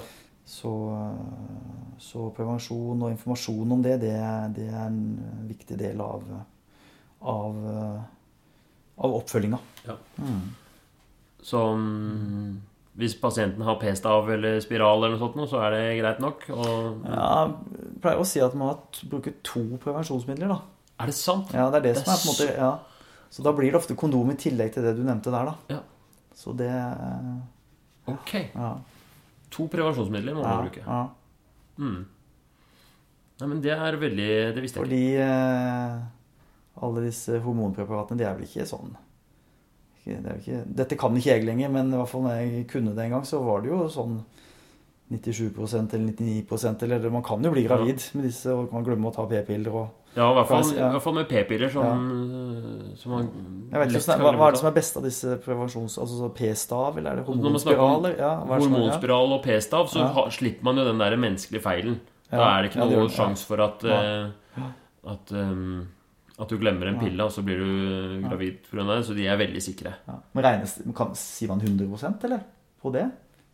Ja, Det er jo ingen leger som tør å si 100% om noe som helst. Nei da. Nei, det er Men jeg syns det er eh, Jeg syns det er bedre enn 99 Ja. Men det, jeg, syns det. jeg syns det.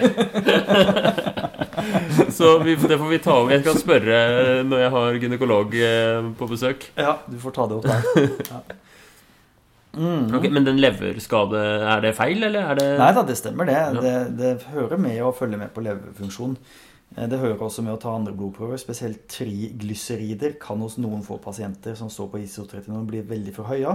Ja. Sånn at de kan faktisk utvikle en pankeratitt. Nemlig. Det var sjelden, da. Men det er jo kjedelig kjedelig hvis det skulle skje. Så følg med, så alle som går på tri- ISO 39 må nummer én passe på øh, eh, prevensjon. Kjør dobbel dekning.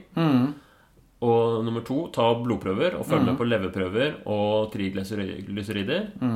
Og så tenk litt på psyken og, og følge opp litt Ja. det mentale. ja.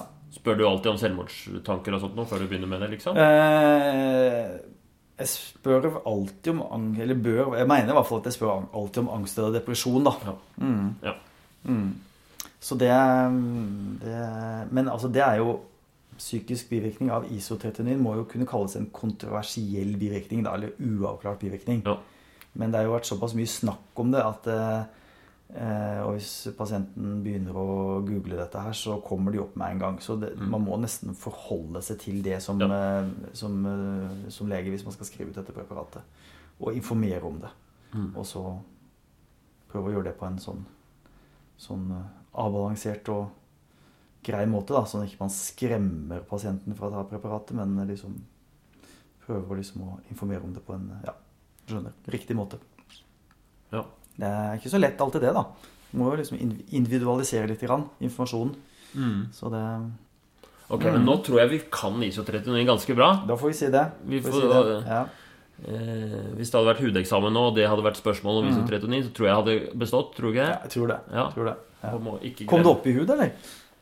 Eh, Husker du det? hva, var det, hva var det jeg kunne enten komme opp i hud eller Eller patologi, tror jeg. Det- Det kom, de har skifta litt om på uh, disse eksamensformene. Ja. Jeg klarer ikke å huske akkurat nå, Ja. Nei. Hvis jeg gjorde det, så besto jeg i hvert fall. Men uh... Nei, for jeg har jo undervist i hudsykdommer i mange år, ikke sant, disse studentene, så det, det er jo Det er jo å lage noen eksamensoppgaver av og til, da. Så det, det, da er det jo Ja. Så det har jo vært mye engasjert undervisning, da. Så det er ganske morsomt, da. Og eh, det er jo en ting med undervisninga som er eh, Som er litt sånn som eh, Altså, når studentene kommer og skal ha hudundervisning, så tenker de ofte eh, her, det, Man tenker liksom dette er en blikkdiagnose. Ikke sant? Ja. Tenker at da, da må man bare sette deg en gang, eller bare vite hvordan det ser ut, så veit man hva det er. Men det er jo det som er paradoksalt med huden, at eh, hvis det er sykdom i huden, så blir huden rød, på en måte. Det er det, det er det som er hudens måte å reagere på eller snakke på. Så det er veldig mange hudsykdommer der huden blir rød. De kan jo se ganske like ut. Og så er det mange av de som flasser litt, og så er det mange av de som står litt ut fra hudens overflate. Så det er litt sånn en liten papel, en liten elevasjon, en liten plakk. Så det med å gjøre et ordentlig anamneseopptak, også ved hudsykdommer, Ja. er jo veldig viktig. Og det er lett på Det er liksom en av de tinga vi må lære til studentene. Da, at det var snakk med pasienten først, og så se på huden etterpå. det er take home message til medisinstudenter. Ja, og jeg for så vidt til ja, mange andre leger også, tror jeg faktisk. For jeg merker det sjøl. At hvis jeg har pasienter, og så begynner jeg å se på huden for tidlig i konsultasjon, så er det noen ganger at det liksom Det, det blir ikke så bra. For at da Altså, man må liksom ha litt sånn Litt bakgrunn, altså. Ja. Hvor på kroppen kom det først? Er det noen som har utløst det? Er det noen i familien din som har noen hudsykdommer? Har du hatt eksem som barn? Er det psoriasis? Ikke sant? Det tar liksom bare to-tre minutter, og så har du fått kartlagt ganske mye. Ja, Det er ikke Har nok å bare få se liksom? bilder, liksom. Nei, du får ikke- sikkert det hele tiden. da Sånne snaps med 'hva er dette for noe'? Får mye av det, altså. Får sånne venner og bekjente som sender eh, mobilbilder og Ja. sånn. ja. Og det er litt skummelt. Eh, Klart, noen ting er åpenbart lett, ikke sant, se. Men andre ting så, eh, så er det utfordrende, og da er det behov for å, å, å, å vite litt mer om omstendighetene rundt dette her, altså. Så det skal ikke undervurdere det. Nettopp fordi at huden snakker med et, snakker et språk, håper jeg, og det språket er rødt Ja. og infiltrasjon av betennelsesceller i Ja. huden. Det er på en måte Også når det er hudkreft, ikke sant, så er det liksom Det blir en liten klump eller en elevasjon i huden. Det er ofte det, da. Så um, og Basaliomer, ikke sant, veldig vanlig hudkreft, Det er ofte en rød liten knute i huden. Ja. Eh, kan se ut som ek- eksem, kan se ut som psoriasis, men det ser jo oftest ut som en liten sånn. Det er ofte greit å se, da. ja. Men eh, Ha litt eh, Hvis det er en pasient som aldri har hatt noe psoriasis eller eksem, og så plutselig så får noe som ligner på det, så hvis, hvis du spør litt, så kanskje Ja, kan sant? du finne Ja. fram til mm. mm. ja. Så eh, det å snakke med pasienten er også veldig viktig i eh, hudfaget, da. Selvfølgelig. Det er kanskje opplagt, men, eh, men jeg føler at når jeg møter studenter, så trenger de på en måte å erfare litt det, da. Men det er kanskje litt med pasienten òg, at de ofte ikke De forventer at man bare skulle, kunne se hva det er. Så Ja, de er ikke sånn så villige til å komme med informasjonen. Nei, det ligger ikke så Derfor så begynner jeg, jeg begynner ofte en konsultasjon med å si at eh, du, nå må vi, nå må vi bare, jeg må bare stille et par spørsmål før jeg begynner å se på huden din. Ja. Så jeg på en måte er litt sånn tydelig på det overfor pasienten. For mange pasienten vil liksom bare brette opp armen liksom, og så vise et eller annet. Eller bare peke på et eller annet i panna. ja. Og det er ikke alltid det er så lurt, altså. Nei. Så, Starter feil ende og så blir ja. Så liksom systematikk, ikke sant. Det er, det er ofte lurt, eh, sikkert i alt eh, legearbeid. Men liksom å få liksom å Det er nok ikke alltid pasienten setter så stor pris på det, da. Fordi at eh, pasienten har jo eh, Kommer kanskje til en time med en idé om hvordan man best skal legge fram og fortelle og vise dette her for legen. Og så har legen et annet skjema oppi sitt hode, og så må man prøve å få disse to tingene til å møtes. da. Mm. Det, Mm. det kan være utfordrende, men Ja. De har lista klar, liksom, og så Ja. Kan jeg spørre deg noe som er litt Det er jo hudrelatert, men det er ikke helt på eh, Jeg, jeg hører jo mye på podkast, jeg er veldig glad i det. ja. Også i det siste har det vært veldig mange forskjellige podkaster som har hatt sånn hudreklame for Eller sånn reklame for sånn eh, Stikk til eh, din uh, hudterapeut eller hudsykepleier. ja. Og, og hvor det er veldig fokus på uh, bremse hudaldring. Mm. Og så er det sånn din, din daglige pakke, liksom. Jeg Mm. bruker aldri en dritt. Jeg bare går rundt og har min hud, liksom. Mm. Men så uh, virker det som uh, det er masse Masse sånne Og så skilt overalt, syns jeg også, med hudsykepleiere Mm. som har sånne Og det, det holdt på i mange hundrevis av år da, med, Mm. for, for å stoppe rynker og aldring og sånt. Men er det noe i det? Er det noe som Burde man bruke fuktighetskrem hver dag, f.eks.? Hva er Altså, det? kort, svaret på det er vel, det er vel litt i det. Mm, Litt er, er min vurdering. ja. Eh, men hvis du snakker om rynker, så er det jo det vanlige å si at det, hva er det som gir rynker? Det er selvfølgelig alder i rynker. Dårlig genetikk gir rynker. Det er jo forskjell på familier, og noen får jo holder seg bedre enn andre. Røyking gir rynker. Soling gir rynker. Eh, og så er det liksom hudpleie. Er det noe som en kan gjøre for å forhindre aldring, rynkedannelse i huden? Eh, og da Kortsvaret mitt på det er litt. Hva kan virke? Solkrem kan sannsynligvis virke. For noen, i hvert fall. Kanskje vitamin A-syrepreparater. Kanskje en del fuktighetskremer, fruktsyrepreparater, kan ha noe effekt. Eh, men det er, vel, det er vel litt marginalt, tror jeg. Ja. Men det fins jo selvfølgelig mer drastiske metoder som vel har noe bedre effekt. Peelinger, f.eks., og så er det Botox, f.eks. Så da lammer man jo muskulaturen i ansiktet. Da Mm. blir det selvfølgelig ikke rynker der som man ikke har Eller blir mye mindre rynker, i hvert fall. Ja, men da mister du all med mikk òg. Da mister du mimikk, ja. Så, så, men det er klart. Men, eh, og kirurgi kan jo virke, og man kan jo stramme opp uh, huden og sånn. Så, men liksom det å smøre noe på huden Kanskje.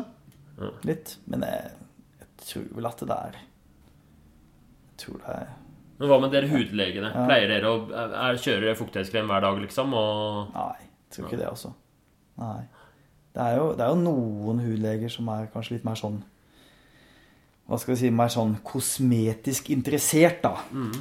Eh, og jeg er ikke blant de, men, men eh, Så det kan det hende at de har sofistikert sin hudpleie litt mer etter det som man tenker har kan ha mest effekt, da. Det kan nok hende at det er litt å hente, men eh, også rundt lunsjbordet på hudavdelingen så er det ikke så, er ikke så mye snakk om liksom eh, fuktighetskremer, altså. Og Nei.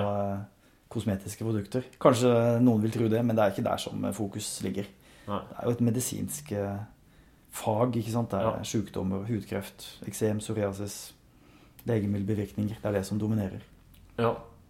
Men du vil ikke si heller at eh, det er bare juks alt sammen eh, om sånne hudpleiere, liksom? Som, Nei, det, det, det vil jeg ikke si, fordi eh, det er jo noen studier som peker litt i den retningen, da. Det er jo ikke så veldig mye gode studier og vitenskap på dette her, syns jeg. Nei. Hvorfor når jeg har lest om det og satt meg litt inn i det. Det som er jo på en måte litt interessant, som også har gjort et lite poeng av den eh, populærvitenskapelige boka som jeg skriver, da, det er jo dette her med at Men Jeg på alle fått med seg det. det heter, den heter 'Huden er guden'. Ja, den heter 'Huden er guden', så det er, er, er vel lov å Hvis du er glad i hud, så kjøp den boka. Den er kjempebra.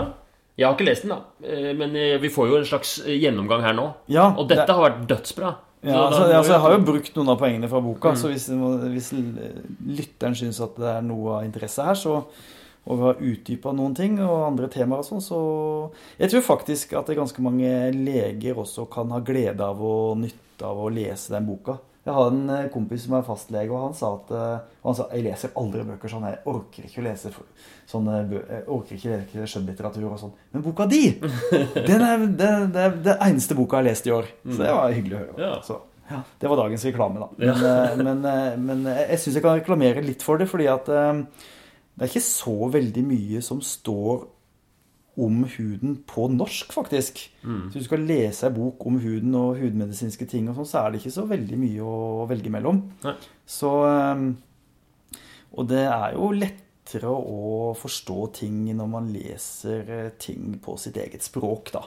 Ja. Så, så jeg føler at jeg har vært litt med på å popularisere hudfag og kunnskap om hudsykdommer, da. Så, så jeg, jeg, jeg syns det er litt eh, Du er stolt av det? Jeg er stolt av det. Jeg syns det er litt viktig at også leger gjør litt sånne ting, da. Mm. Fordi eh, Men du, Ja, den ja. tittelen 'Huden er guden' Ja.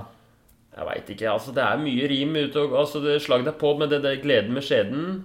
Og hva var det? Hjernen er stjernen. Gjerne stjerne, ja. Sjarmen med tarmen. ja. Og så 'Huden er guden'. Ja.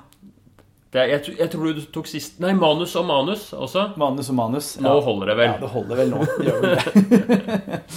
det var, hvis jeg kan si en lite anekdote hvorfor jeg skrev den boka. Mm. Fordi at eh, det var jo Kaja Nordengen, Mm. som kanskje du kjenner, faktisk? Eller gikk hun på kullet ditt, eller? Nei, nei, jeg kjenner henne ikke. Nei. Men hun har skrevet 'Hjernen er Ja. Hjernestjerne. Så hun skrev Hjernestjerne, og hun, hun var jo student mens jeg underviste i hudsykdommer. Ja.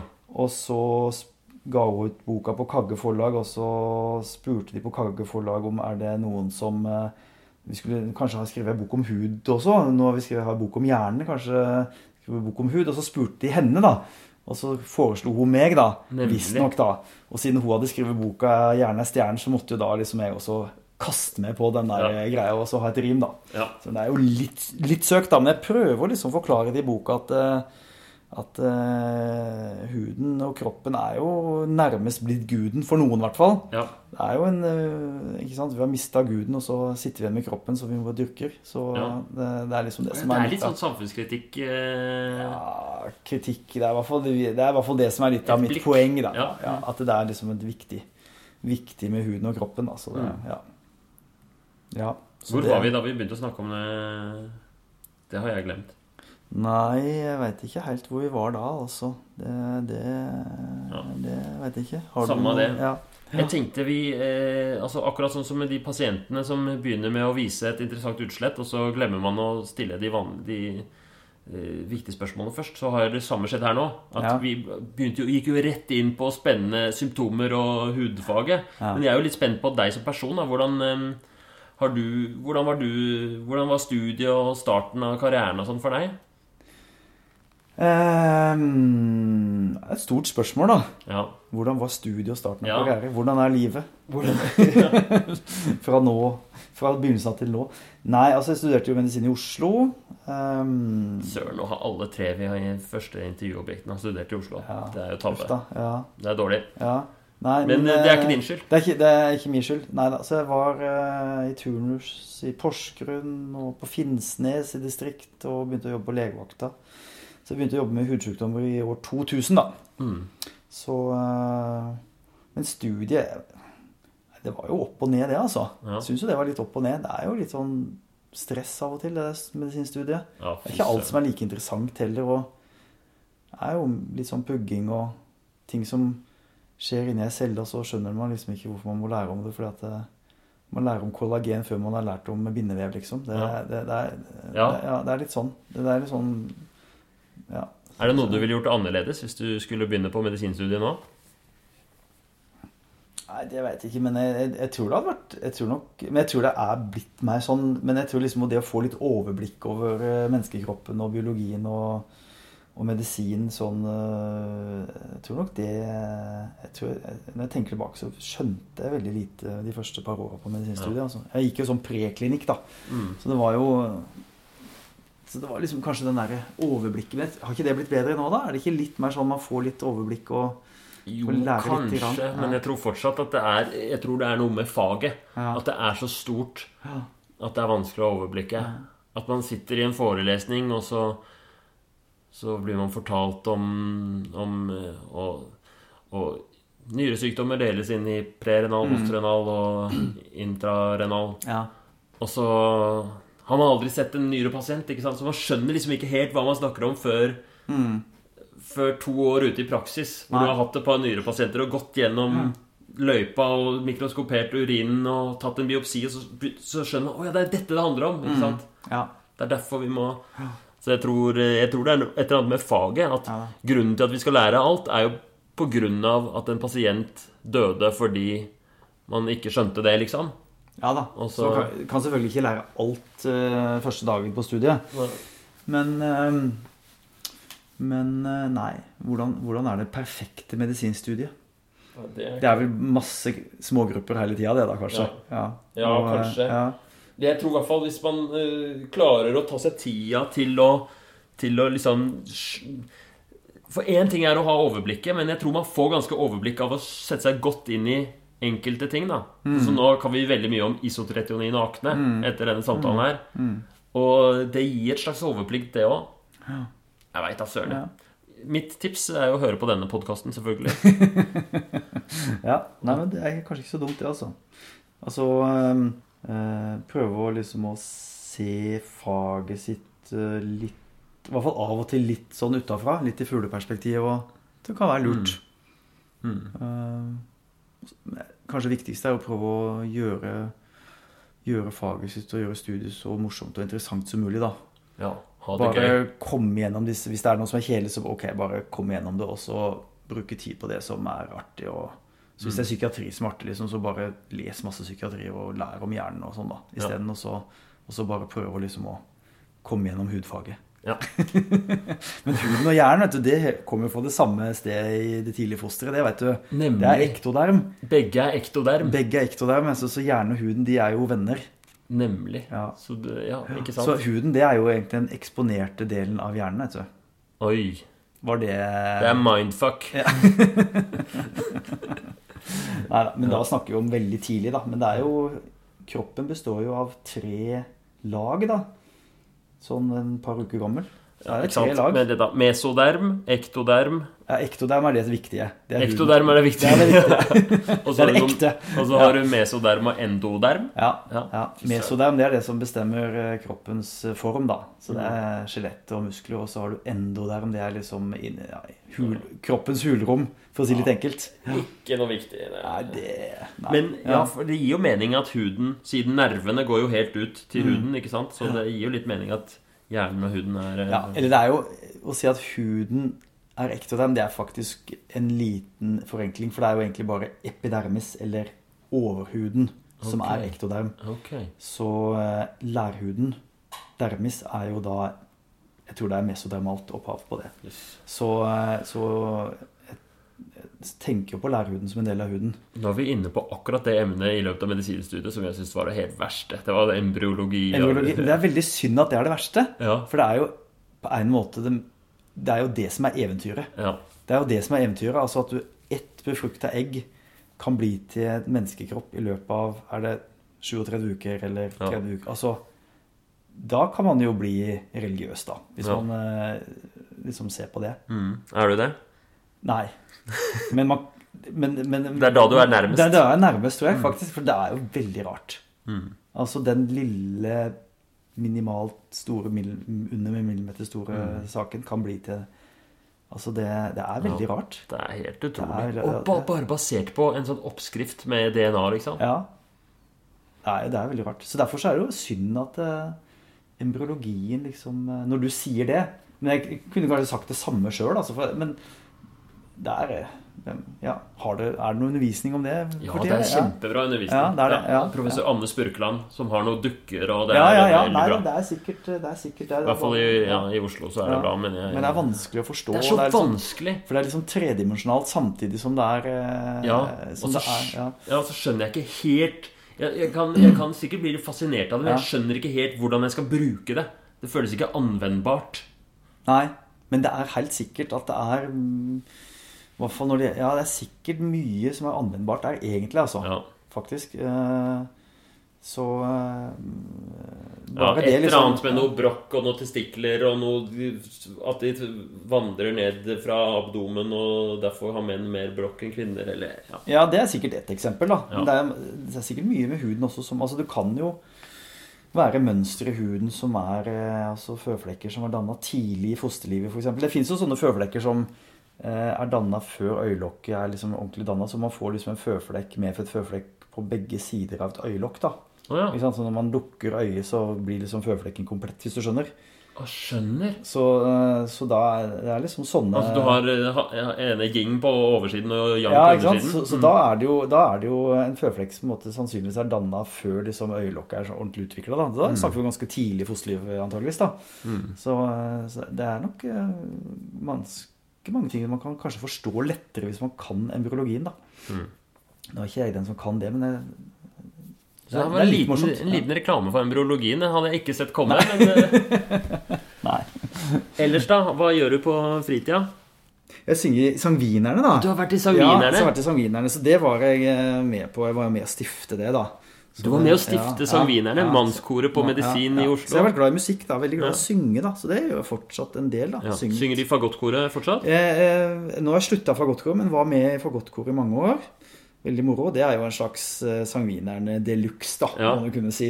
Ja, og det er, det er mye dansing og Det er veldig mye dansing og show kostymer og sånn, eh, fantastiske julekonserter og Ja. Så det, det kan anbefales. Det er reklame for Oslo Fagottkor. ja. Så det er bra. Og så... Jeg synger i Birkelund mannskor. Og gjør du det? det er, jo, er ikke det en slags uoffisiell konkurrent? Det er en slags uoffisiell Jeg vil nesten si offisiell konkurrent. Ja. Ja. Hva er det deres eh, Vi har julekonsert i Sagene kirke. Ja. Så ja. For Godtkoret hadde jo mange år i Lilleborg, ja, men så ble jo Lilleborg kirke for for det liten. ble for liten, det ble for smått. Så Ja. Det er jo utrolig for mye billetter dere selger, da. Det er, til, Ja, er var det på Chat Noir eller noe sånt? Nei, nå har det vært eh, julekonserten her på Folketeatret. Folketeatret? Ja. Mm. ja. Så um, Nei, det er vel For det er mange forestillinger. Ja, det er mange, og det er mange folk der. vet du. Så det er, jo- er det 10 eller 12 eller 14 000 eh, Ok. Så det neste må være Spektrum, er mitt, Ja, eh, 14 mitt tips, da. Det er 14 000 billetter i løpet av en Jeg tror, jeg sesong, tror, liksom? ja, julekonserten, ja. Ja. Jeg tror det er det. Så okay. da, ja, det er ganske mange flere enn ja, eh, da blir det BMK. julestemning. Mm. Ja. Så følg Birkelund Mannskor og eller Fagottkoret på Instagram. Nei, Jeg er så ekstremt imponert det... over den der posisjonen dere, har fått. At dere er så Det er blitt sånn tradisjon for mange å dra på Ja, det har det, altså. Det er mange som eh, Det blir liksom ikke jul før uh, Fagotten har fått dansa inn jula. Jeg har aldri vært på konsert, da, men jeg kan tenke meg. Jeg har lyst til å Ja. Kanskje vi skulle tatt med hele koret og dratt på deres konsert en gang. Ja. Men hadde Har det vært noe fellesarrangement med eh, disse to kora? Har det vært noe felles en gang? Nei, vi, vi, vi, vi bare flørter med hverandre i sosiale medier. Ja. Eh, Men ja. vi har aldri hatt noe eh, Birkelund Mannskor har hatt felleskonsert med medisinsk pikekor. Altså ja. OMP. ja. eh, Men aldri med verken Sangvinerne eller Fagottkoret. Men det kunne jo vært gøy å gjøre en gang, da. Mm. Eh, Ja, Kommer det Også- kanskje noe ut av dette her som er Ja, ja, umedisinsk? ja. Men du synger jo også Eller du har jo også Det var veldig morsomt, husker jeg, da vi studerte, da jeg hadde deg som eh, lærer. Ja. Fordi da dukket plutselig opp Spotify at du driver jo med Du har jo en solokarriere også. ja, jeg synger jo folkemusikk. Eller sang eller sang folkemusikk. Nei, jeg synger folkemusikk fortsatt. Ja, Så jeg er jo en kvear, da. En kvear. Hva Kvear. er det for noe, egentlig? Nei, det er jo et norsk ord for en som synger eh, folkesanger, da. Ja, Så du har et album ute på Spotify? Jeg har et album der ute, ja. Mm. Så det, det Ja da. Så jeg synger litt av og til. Nå skal Ja. jeg synge Jeg skal framføre Draumkveet nå i, i Telemark nå i uh, januar, da. Så, så det er det neste folkemusikkonserten skal være med på, da. Så det er litt mer fortsatt. mm. Så, eh, så det er litt artig. Jeg har brukt eh, mye tid der og vært med i det miljøet en del. Så det er artig. Så jeg kan, jeg kan masse om norsk folkesang, altså. kan masse. For neste, neste podkast så får vi ta om det, da. Ja, får vi gjøre det. Ja. Ja. Nå er det jo godt Oi, nå har vi holdt på lenge. Det er knallbra. Har du noen siste ting som du tenker eh, dette må med? Dette må Altså, Lytterne våre er litt vanskelig å vite hvem det er og blir, da, men Ja. jeg tror det er jo først og fremst interessant for leger, medisinstudenter Ja. Og andre som er interessert i, i kropp og helse og, og sånn. Ja. Men Det kan jo hende at det er litt vanskelig nå, alt der, men eh, Nei, jeg vet ikke om jeg har en sånn veldig fantastisk avslutning her, en altså. kjepphest Kjepphest. Puss. Det er ikke alltid infeksjon. Puss er ikke alltid infeksjon. Nei, det fins sterile pusler. Det Mm. sterile pusler ved psoriasis, f.eks. Nemlig. Så hvis du får en pasient som har puss i huden i hendene, Mm. så er det nok eh, PPP og ikke noe infeksjon. Hmm. Pustuløs Så psoriasis. ja, pusteløs psoriasis. Ja. Så puss er ikke alltid infeksjon. Ja. Så det er en tabbe som kanskje folk gjør, da. At de ser noen pusler, og så begynner de med noe antibiotikasalver Ja, eller det hender det, men jeg skal ikke si at det er så veldig vanlig, altså. Men eh, Nei. Er det noen andre tabber du vil forebygge fra fremtidige leger? Og er det noen sånn feil som, du, eller som har blitt gjort, som har gått inn på deg, eller Urtikaria, det flasser ikke. Du får ikke klømerker i huden av urtikaria. Hvis du får klømerker i huden av urtikaria, så, så mistenker jeg at det er noe annet i tillegg. Ok. Så det er litt sånn uh, hmm. Hvis dette hadde vært eh, eh, Hvis vi hadde hatt en eksamen til det her, så hadde Ja. det vært eksamensspørsmålet helt på slutten av podkasten. Sant? Så kunne vi funnet ut hvem som hørte etter eller ikke. Ok, Tusen Ja. takk for at du ville være med. Ja. Veldig snilt av deg å ta deg så mye tid og dele av eh, hudkunnskapen din og spesialfeltet ditt, som er kløe, og også litt om akne. Og det har vært veldig spennende. Jeg har lært så masse. Jeg håper eh, dere som hører på, også har lært mye.